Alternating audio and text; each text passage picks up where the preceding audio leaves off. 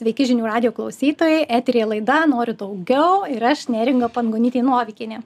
Laidoje visada pas mane vieši žmonės tie, kurie nori daugiau iš savo gyvenimo, iš savo veiklų ir kurie kitus motivuoja įkvepia norėti daugiau. Ne materialiai, bet vidumi, nu, kad ir materialiai, pripažinkim, ar ne? Tai ir šiandieną turėsiu tokią viešinę, kuri tikrai daro wow dalykus. Ir tik priminsiu žiūrovam žiūrovams kad e, įrašą laidos galite visada rasti žinių radijo tinklapyje ir youtube kanale.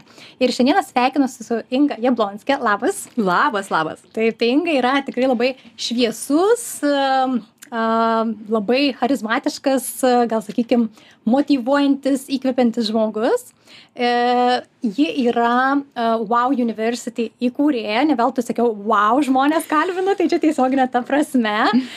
Taip pat dar prisistatinti, ar kiti ją pristato kaip vizionierę, verslininkę. Aš manau, kad mes pasikalbėsim plačiau, koks rinkos yra kelias ir ką ji daro, kuria ir galbūt ką planuoja dar sukurti. Tai galbūt tik pradėsim nuo to, kad aš labiau gal iš pradžių žinojau Wow University negu tave, bet aš manau, kad čia normalu, labai gerai, geras marketingas padarytas ir aš išgirdau apie Wow University, man atrodo, kažkas apie pandemiją. Tai vad mes paliesim ten tą visą veiksmą, kaip ten kas įvyko, bet kas už to inga mhm. yra ir dar tarp kitko konferencijose keliose esu mačiusi berods mhm. marketingo konferencijų moters vizijų jeigu neklystu ar ne tikrai labai matomas veidas ir balsas girdimas tai o kas inga dar yra be viso šito arba prieš tai kas buvo inga nu, pirmiausia, tai tikriausiai tiesiog esu žmogus, kuris nori gyventi realizuotą, laimingą gyvenimą.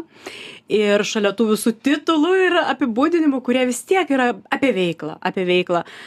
Esu mama, esu mylimoji, esu draugė savo artimam ratui, tai man, man atrodo pirmiausia esu žmogus, bet taip prieš VA universitetį tikrai turėjau labai daug veiklų ir labai skirtingų veiklų ir tas kelias tikrai labai toks vingiuotas nuo karjeros, vėliau savo verslų, vėliau e, konsultacinio verslo ir po truputį mano kelias po to keliavo jau link samoningumo ir, ir būtent su tuo susijusių įvairių mokymų, konferencijų, kurias aš pati jau irgi organizavau.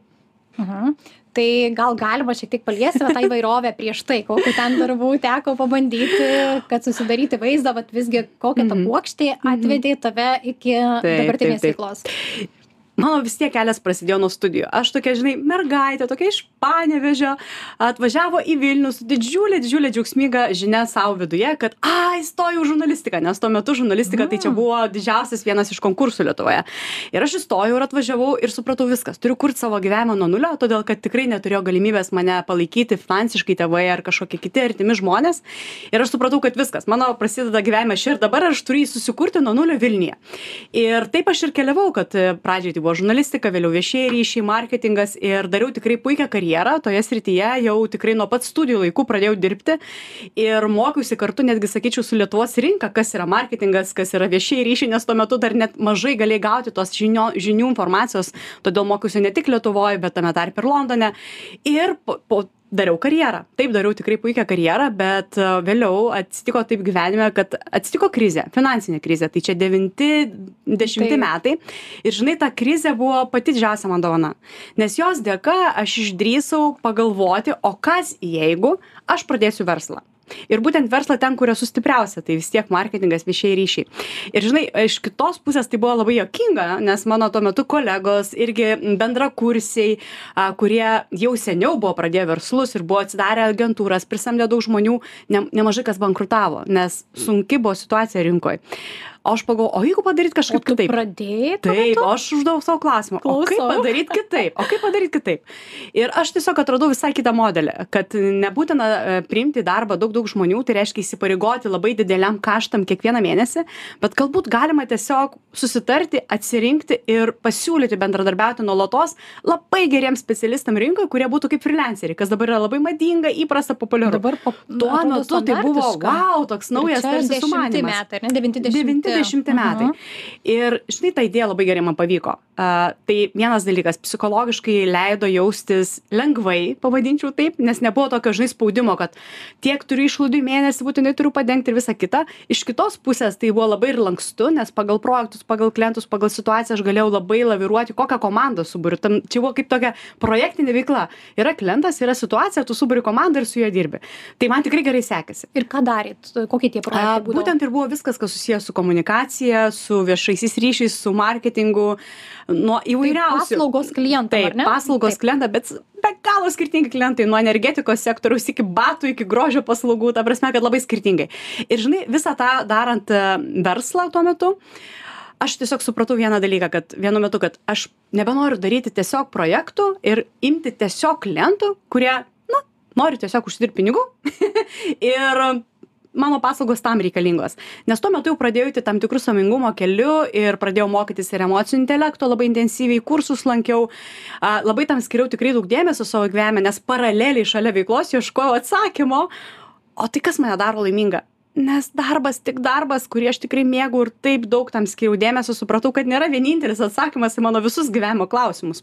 Ir taip jau atsitiko, kad tada išdrisau ir pagalvojau, kad na reikia pradėt atsirinkinėt klientus ir dirbti ir imti tik tuos klientus nes visi ateidavo tik pagal rekomendacijas a kurie nu nori kažką gražaus komunikuot nori kažkokius šviesius projektus daryti socialines įvairias iniciatyvas idėjas.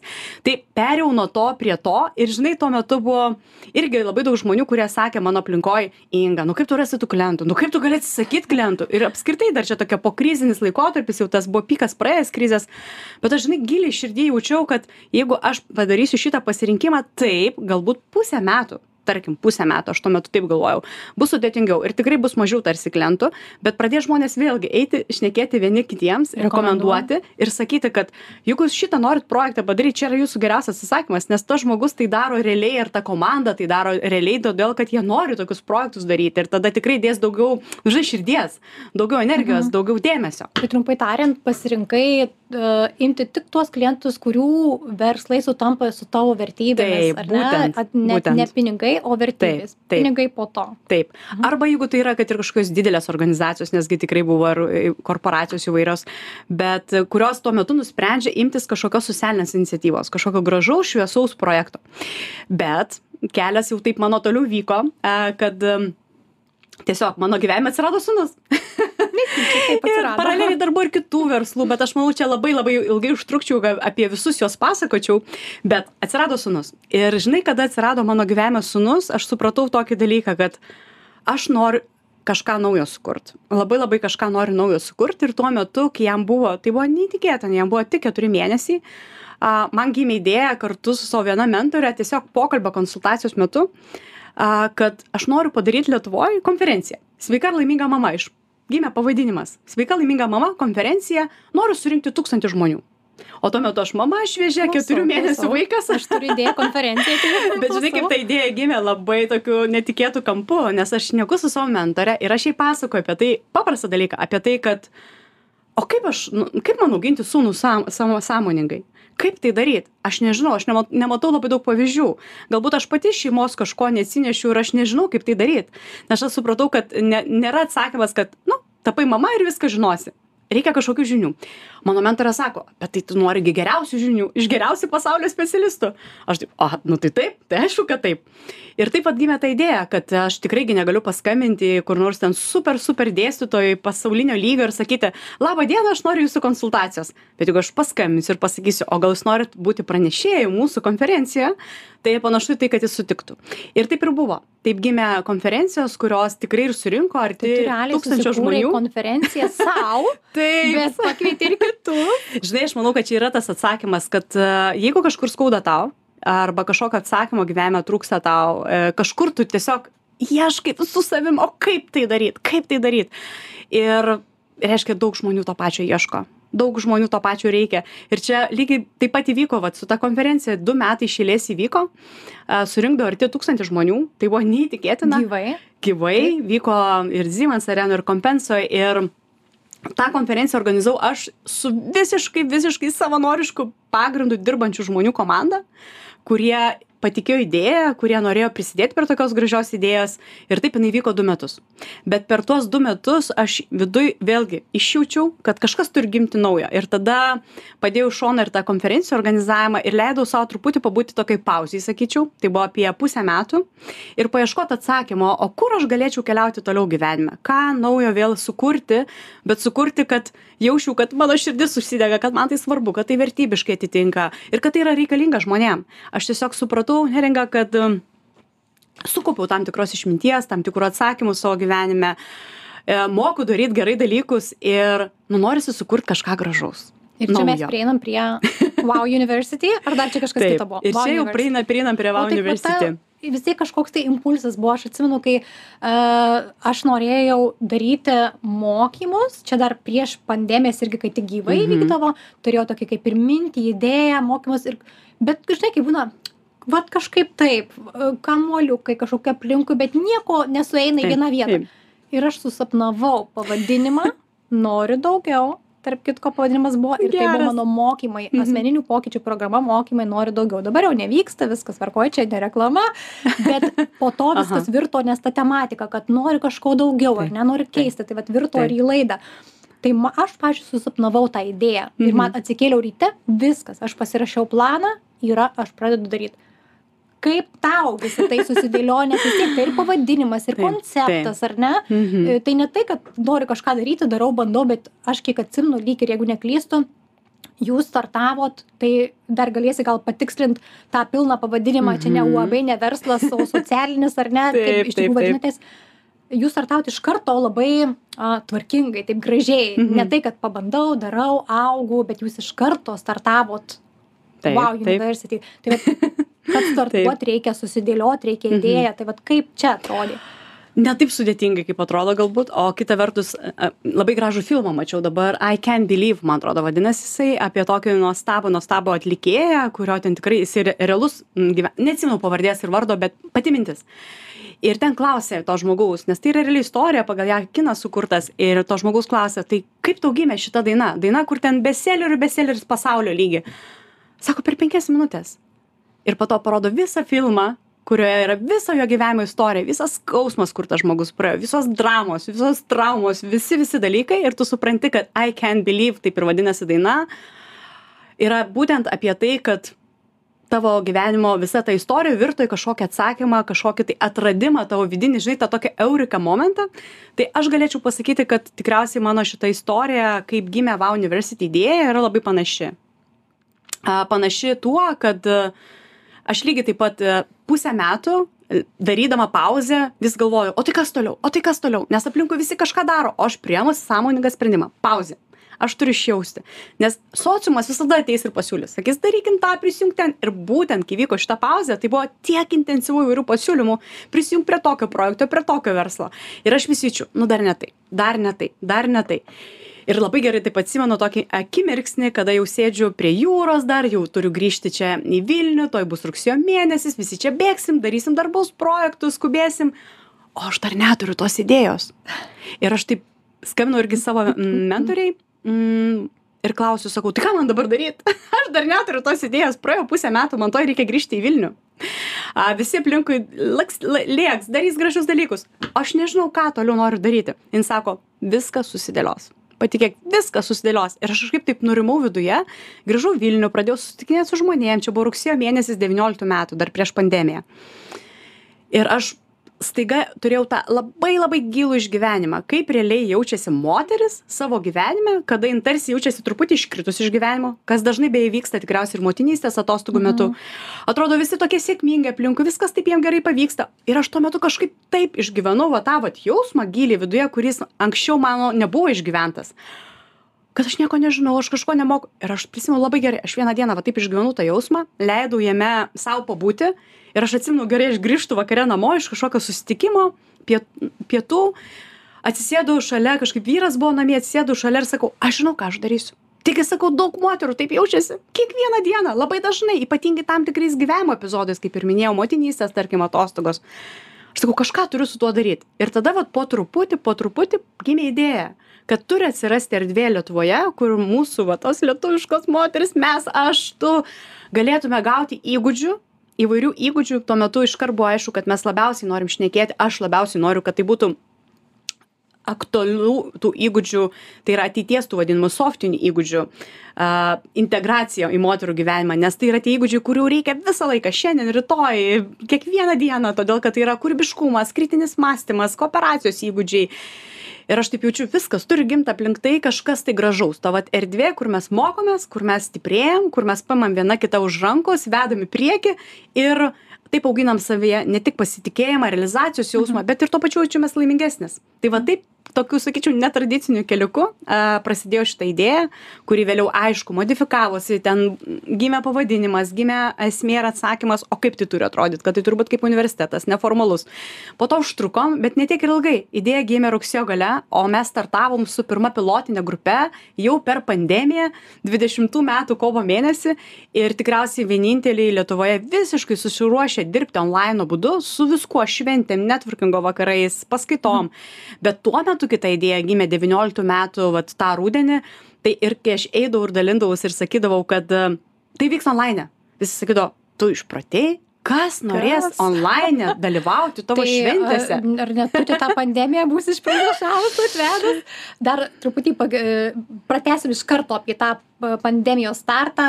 Tik aš noriu trumpai pakomentuoti, kad labai džiaugiuosi, kad tu pasakoji apie tą, žinai, tą sunkumų laikotarpį, kai tu apskritai buvai pasimetus, e, nežinojai, ką daryti, nes tikrai, manau, mūsų laidos auditorija daug yra arba šitame etape, ar buvę, ar žinau, ką tai reiškia. Ir aš pati tikriausiai, nežinau, nebuvus, nes pas mane vienu metu norisi penkis dalykus daryti visada non-stop, bet yra pasimetusių žmonių ir aplinkų ir jie, jie galvoja, kad reikia iš karto. Kaip tu nieko neveiksi, kai tu sakai, kad Mhm. išbuvai, išlaukiai ir sąmoningai neprieimiai Taip. Labai ačiū už šitą Taip. padrasinimą, manau, kad daugam bus naudinga. O dabar pratęsim iš karto uh, apie pandemiją. Tai startavot per pandemiją. Taip Tai kaip atrodė ta pradžia, pati pradžia, kaip reagavo Mhm. dalyviai, taip taip. kaip reagavo rinka apskritai, ar ne, ir kaip atrodė ta pradžia, kokius iššūkius, o gal kaip tik viskas buvo, buvo labai lengva. žinai kaip visą laiką nėra juodo balta buvo ir lengva ir sunku vienu metu kaip ir minėjau kadangi idėja buvo daryti viską online tai mes tikriausiai vieninteliai galėjom ir buvom pasiruošę ir galėjom veikti ir duoti paskaitas visus užsiėmimus online ir vėlgi kodėl tas online nes atrodo kad a, tai kaip čia intuityviai aš taip išjaučiau kad kad kad taip bus kad bus pandemija ir kad onlainas ir bus vienintelis atsakymas. Taip tikriausiai dalis tiesos ir būtų kad kažkokia intuicija man pasufleravo kad taip e, bus įprasta mokytis kad tai bus patogu mokytis žmonėm ir panašiai. Bet žinai priežastis kai buvo ne čia. Priežastis buvo tame kad nuo pat pirmos sekundės kada gimė šita idėja aš supratau kad noriu sukurti tokią erdvę mokslui ir po to prie to noro aišku prisijungė vėl labai daug pradžiai tik savanorių po to jau ir komandos narių kur galėtų mokytis bet kokia moteris. Kad tai netaptų toksai žinai toks dar vienas e, išskirtinių moterų klubas išskirtinių tai turiu minty tokią vip taip aišku kiekviena mes išskirtinė bet kad tai būtų erdvė kur bet kokia moteris nepaisant kokia jos socialinė padėtis kokia jos patirtis kokia gyvenimo situacija kur ji yra šiuo metu ir mes turim tokių gi dabar gražių pavyzdžių kada pas mus mokosi universitete stipendijas dėka verslo gavę moterys tarkim slaugančios sergančius vaikus arba šiaip artimuosius namie. Ir jos gali mokytis jos gali mokytis nepaisant ar jos yra tai ligoninėj jos ar namie negalėtų atvykti dažniausiai. Taip. Taip, idėja buvo ir tas sumanimas online iš tokio vertybinio pagrindo, bet aišku, atėjo pandemija ir pasirodė, kad tai teisingas atsakymas visiems mums, ne tik tai kažkokiam išskirtiniam grupėm.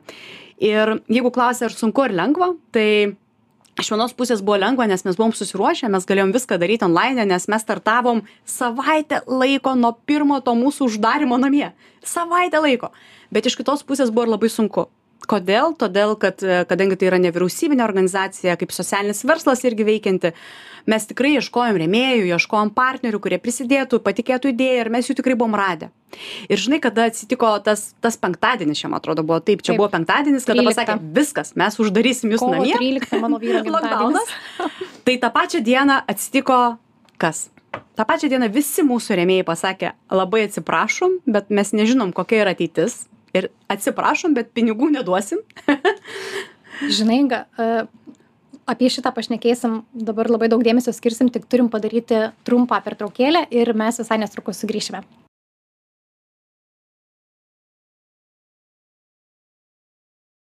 Grįžtame į eterį čia laida noriu daugiau ir šiandieną kalbuosi su inga jablonske wow university įkūrėja wow moterim. Ir inga kaip tik prieš pertraukėlę baigė pasakoti aš nukirtau nes labai labai pikantiška nežinau gal kaip pavadinti aštri įdomi vieta apie tai kaip pandemijos metu e, pradėję savo startą su mokymų grupėmis. E, dar net nepradėję prieš startą savaitę visi rėmėjai visi finansuotojai atšaukė savo pasiūlymus nes tai buvo diena kada buvo paskelbta pasaulinė pandemija. Tai kas vyko inga Dar. to Ir dar tą pačią ir dar, dieną. ir dar tą Tai pačią vėlgi dieną ta pati diena, penktadienis, mums paskelbė, kad mūsų uždaro visi namo, nu, mes tiesiog turėsime izoliuotis ir sėdėti visi namie. Tai ne tik, kad e, dingo staiga, nu kaip dingo, atšaukė savo, pas, savo pagalbą, pavadinkime, visi mūsų rėmėjai, bet ir visi žmonės, su kuriais mes dirbam freelanco pagrindu, nu turiu mintį, žinai, ten kažkas we- website kūrė, kažkas kažkokius tekstus daro. Tai tikrai buvo nemaža ta išorinė komanda, kuri prisidėjo, kad toks projektas gimtų visi tą pačią dieną atsiuntė sąskaitas, todėl kad bijo, o kas bus, o kas bus. Ir netgi dalis mūsų, mes tuo metu buvom surinkę beveik pilną grupę pilotinę, mes norėjom startuoti nuo 300 moterų, mes praktiškai turėjom pilną grupę, mokslai turėjo prasidėti už savaitės ir dalis moterų pradėjo rašyti, kad aš labai atsiprašau, bet gražinkit mums vis dėlto pinigus, nors ten labai simbolinė suma buvo virš 100 eurų a, už didžiausią fainą kursą, a, todėl kad aš nežinau, kokia mano ateitis, aš bijau, kad gal valgyt vaikam neturėsiu iš ko pirkti. Ir žodžiu, tą dieną mes gavom nemažai tokių prašymų, mes padarėm tą pačią dieną visiems gražinimus be abejo. Ir tada taip su komanda atsisėdom ir galvom, o tai kas toliau? Aišku, paraleliai dar skambino ten ir tarybos nariai, kai kurie dėstytojai ir maždaug taip, na va, tai kaip dabar bus, ar startuosi, tai gaila tikriausiai idėja, galbūt jau pasibaigė neprasidėjus. Mes sakom, viskas gerai, mums reikia pasitarti, pabūti su komanda. Ir buvo savaitgalis, nuostabu, kad buvo savaitgalis, aš komandai kažkaip irgi tuo metu sakau, mes turim padaryti irgi pauzę, vėlgi pauzę. Ir pajausti, o kas toliau. Ir per tą savaitgalį mes buvom sustarę sekmadienį pasidaryti vakarę skambutį, kad prieš darbo savaitę suprasti, ką mes darom, kaip mes judam, nes kitą dar savaitę jau turi startuoti kursas. Ir per tą savaitgalį mes staiga į elektroninio pašto adresą, kur galima buvo registruotis moterim, kurios norėjo gauti stip, stipendijų dėka nemok, nemokamai mokslą, todėl kad mes turėjom tokį modelį, kad mes kreid, kreipdavomės į įvairius verslus ir prašydom, kad jie tarsi steigtų stipendiją, sumokėtų už jų mokslą ir pradėjo tokių moterų vis daugiau ir daugiau rašyti, kad o dieve, kaip faina, nes aš ten, tarkim, saugau savo vaiką, tai reiškia, aš būsiu ligoniniai, tai reiškia, kad manęs net artimieji negalės tuo metu lankyti ir tai iš vis vienintelis šansas man jausti, kad aš dar gyvenu gyvenimą, mokytis pas jūs. Ir mes suskambėm sekmadienį, aš kažkaip komandai pajaučiau, kad perskaityti turiu keletą tų laiškų, mes pradėjom skaityti tos laiškus, išjausti išjausti, kas gi vyksta, kaip tos moteris jaučiasi. Ir mes supratom, kad tai, ką mes darom, yra taip beprotiškai reikalinga, mes tiesiog negalim to nedaryti. Ir nuo pat pirmadienio mes tiesiog pradėjom vėl eiti į verslus, prašyti m, pagalbos, kad steigtų stipendijas, kad dar daugiau priimti moterų, kur, moterų kuriam labai labai reikia, bet kurios galbūt negali dėl labai skirtingų priežasčių. Ir neįtikėtinas įvyko stebuklas. Mes per tą savaitę surinkom tikrai nemažai stipendijų, virš 60 ir mūsų grupė vėl atsinaujino iki mūsų norimų Šiurpuliukai 300 man, žmonių. Ir aš supratau, kad netgi kaip bebūtų sunku ir tikrai tie verslai, pas kuriuos ėjom, irgi buvo ir pasimetę ir visa kita, bet žmonės yra geri. Ir jie labai patiki, kada tai yra nuoširdų tikra ir kitų realiai jauti, kad gali prisidėti prie pokyčio. Tai tikrai drąsiai sakau, įvyko stebuklas ir mes startavom vis dėlto taip, kaip ir planavom, su pilna surinkta grupė. Aš manau kad čia ne stebuklas čia yra jūsų viso bendro darbo tos energijos gal e, didelio kaip čia pasakyt efektas ar ne ir kad, Tikėjimo e, tikriausiai tai dar. tikėjimo ir kiti Taip, galbūt tikėjimo. ir metė tuo metu savo planus ir tiem verslam kažkas atsilaisvino galbūt jie tikrai pamatė kad čia yra jau jeigu kaž kažką padarysiu tai padarysiu šitą padėsiu ar ne Bet būtent, neringa, būtent aš manau, kad netgi tu labai gerai papildai, a, akcentą gerą labai uždėjai. Aš manau, kad, vat, kaip tu, tu ir minėjai, kad klausosi galbūt žmonės, kurie nori kažko, bet gal ne iki galo drįsta, galvoja, o kaip, o, nu, įvairių turime klausimų ir abejonių. Tai mano visą laiką tikriausiai numeris vienas atsakymas, kad labai svarbu tikėti tuo, tuo ką darai. Mhm. Ta prasme, tu turi tiesiog visų savim tikėti, netruputį. ir pabandyt aš dabar pasakysiu aš lygiai taip ir tau parašiau ir dar keliem Mm. kitiem žmonėm iš pradžių galvoju nu ne šitie tai neis pas mane į laidą kas čia aš tokia nieks čia nežino. Galvoju aš parašy paimsiu ir parašysiu o kas čia dabar nutiks Taip, man pasakys ne. Ir man taip atsakymai taip taip taip taip. Ir galvoju ir vat kaip tu sakei konferenciją organizuodama o koks kitas būdas tų žmonės pakalbinti? tai man irgi Taip, nu, būtent. sėdėti laidoje ir juos kalbinti, ne? Tai Taip, tikrai taip, taip. tie momentai, aš nemanau, kad čia yra stebuklas, jie Mhm. dėl to, kad tu darai tuos dalykus, kad komanda tą daro, kad jūs tikit ir jūs nueinat pas žmonės ir pritraukit, kad tikit. O dabar dar prieinant prie tų, sakykime, tavo ar ne, tai visgi tavo projektas, nu, sakykime, verslas, ne tas standartinis verslas, bet esi tu priekyje ir už jo, kokie tavo didžiausi sunkumai po to bevystant. Taigi visgi darbas su žmonėm, daug žmonių, ar ne? Gal ne su žmonėm didžiausi sunkumai. Nuo to laiko praėjo trys metai. Trys jau su pusę metų. Trys Mhm. metai su pusė ir Taip, viskas taip. vyksta toliau. Kaip ta kelionė atrodo, jeigu trumpai, kokie didžiausi asmeniškai sunkumai buvo tą verslą vesti į priekį? Pirmiausia, tai aš manau, kad uh, sunkumai tokio pobūdžio kaip mūsų organizacijos, tai yra VA University, nes mes esame tokia nevyriausybinė organizacija, brūkšnelis socialinis verslas. Tai visą laiką ir didžiausias iššūkis monetizacija šitos veiklos, nes nori daryti labai kokybiškai dalykus, nenori bet kaip daryti. Tarsi mano moto apskritai, ką bedarai gyvenime, turi daryti meistriškai. Tai noriu daryti gerai, noriu daryti kokybiškai, noriu suteikti pačią didžiausią vertę kiekvienai moteriai, kurie ateina ir prisiliečia prie mūsų veiklos, kuris studijuoja ir panašiai ir savame aišku kad tai padaryti reikia daug žmogiškųjų resursų kitų įvairių resursų technologijų reikia įvairių ir panašiai. Ir tada didysis klausimas kaip tai monetizuot? Todėl kad nėra noro paimti iš žmogaus kuo daugiau noras kaip tik kuo mažiau. Todėl kad labai skirtingos moterys skirtingi jų gyvenimai skirtingas galimybės galų gale. Ir tada didysis iššūkis darant va tokio pobūdžio m, sakyčiau veiklą yra o kaip tai monetizuoti kad užtikrinti viso to administracinio aparato irgi gyvavimą. Ir aišku tada atsakymas yra labai skirtingų ieškoti būdų a, būtent monetizavimui. Tai turiu minti ir eiti į įvairius fondus, eiti, nežinau, įvairias teikti paraiškas, e, labai skirtingai išskaidyti galimybės, kaip tu gali pritraukti lėšas, kad šita organizacija būtų tvari. Nes Ir viskas yra apie tai darai, tvarumą. ar ne? Tu visą tai Be darai. abejo, ir aš, bet su komanda. Ir aš labai džiaugiuosi, kad tikrai į komandą vis ateina nuostabių žmonių, talentingų žmonių, kurie patikė šitą idėją, kuriam labai svarbu ne tik, kad gauti gerą atlyginimą, dirbti fainoje organizacijoje, nes mes fainai tipo, bet, bet kuriem, nu, realiai rūpi. Kur realiai nori prisidėti, kad moterų galimybės būtų Lietuvoje lygiavertės, kad e, moteris jaustųsi gerai, kad moteris ga- galėtų kurti savo gyvenimą taip, kaip jos nori, gyveninti savo svajonės, norus. Ir kada, žinai, susirenka komanda žmonių, kuriem irgi tai yra svarbu, tu visą laiką atrasi, kaip padaryti dalykus. Nes kaip, aš manau, yra sekantis atsa- atsakymas. Pirmas atsakymas, su kuo? Kas taip pat tiki, kad eitų lygiavertiškai su tavim kartu, kaip būtų jo pačio Ir mes po to matom visą tą rezultatą, dalyvaujam kažkur skaitom, mokomės, bet kiek iki to buvo nudirbta ir pereita ir, ir kasdieną daroma. Vat šitą dalyką reikėtų įvertinti ir Taip. tie, kuriem atrodo, kad viskas, oi kaip faina, čia organizacija, nuo jo senas pakalbėjo, bet kiek viso to verda už nugaros ir iš tikrųjų reikia daug. panešti ir kaip mylėti savo darbą, kad visą tai darytum. Laida eina visiškai į pabaigą, kad ir kaip bebūtų gaila, dar pas mane liko apie pusę klausimų, nepaklaustų. Bet manau tikrai vertingas pokalbis bus ir besiklausantiems. Ir pabaigai a, norėčiau. Ai, dar vieną klausimą turiu kaip prieš paskutinį. Mhm. Dabar labai populiaru visi šitie mokymai, Taip. įvairūs mokyklos, klubai, neformalūs, anokie, trečiokie, ir Lietuvoje, ir užsienyje viskas pasiekiama. Kaip tu galvoji, ar Lietuvoje dar ne per daug mokinančių, nes dabar jau truputį specialistas ir mokinu. Mhm. Ar dar mums reikėtų pasistiepti? Aš tai vis tiek atsakymą į visus klausimus tikriausiai iš panašaus pobūdžio turiu vienintelį kokybę.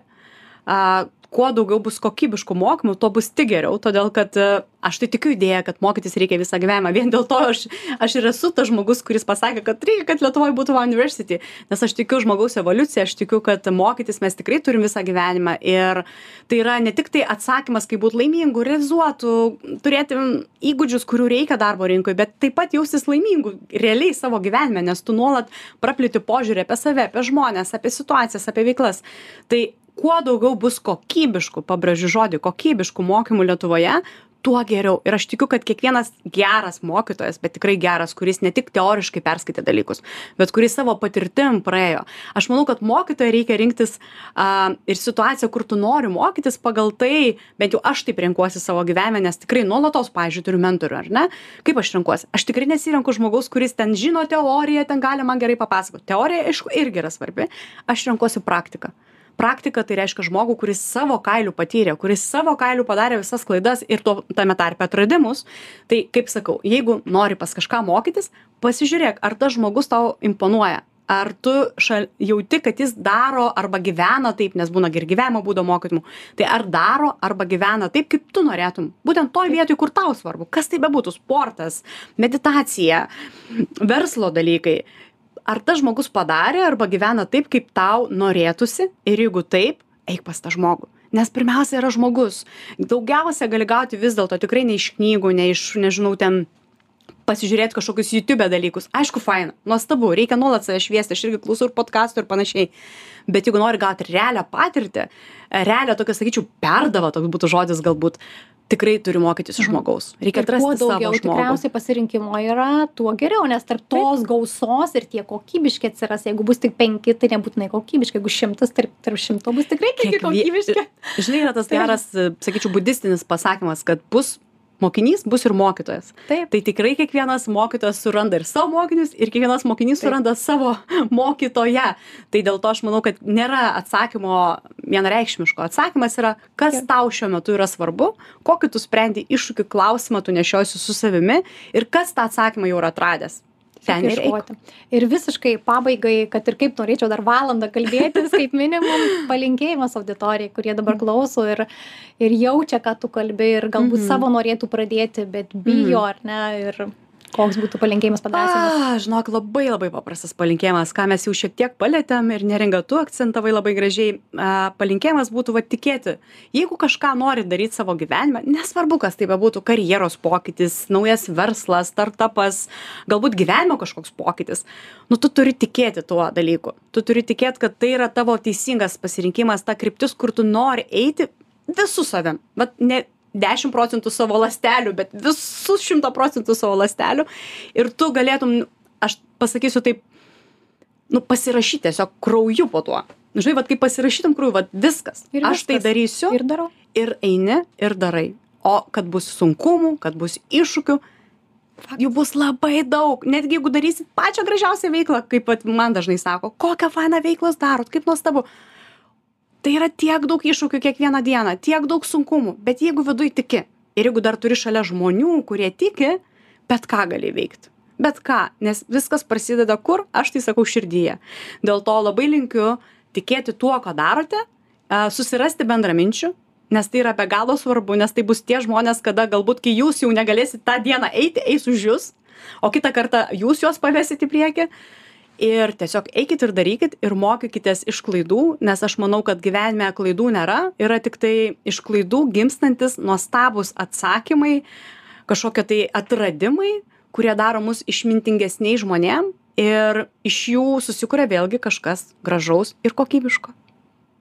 Aš net neturiu ką pridurti, aš visą dabar esu euforijoje nuo tokio gražių žodžių ir minčių. Mm. Tai ačiū labai Inga, kad šiandieną atvykai, žinau, dar turi ir šventę šiandieną, tai linkiu gero vakaro, klausytams mm. palinkėsiu taip pat gerų emocijų, gerų minčių, ryšto pokyčiams, o jeigu pokalbį įsijungėt tik į pačią pabaigą, tai įrašą visada rasite žinių radijos svetainėje ir YouTube kanale, o aš neringa Pangonytė Novikinė ir laida noriu daugiau, pasimatysime kitą savaitę. Iki. Ačiū, kad pakvietėt.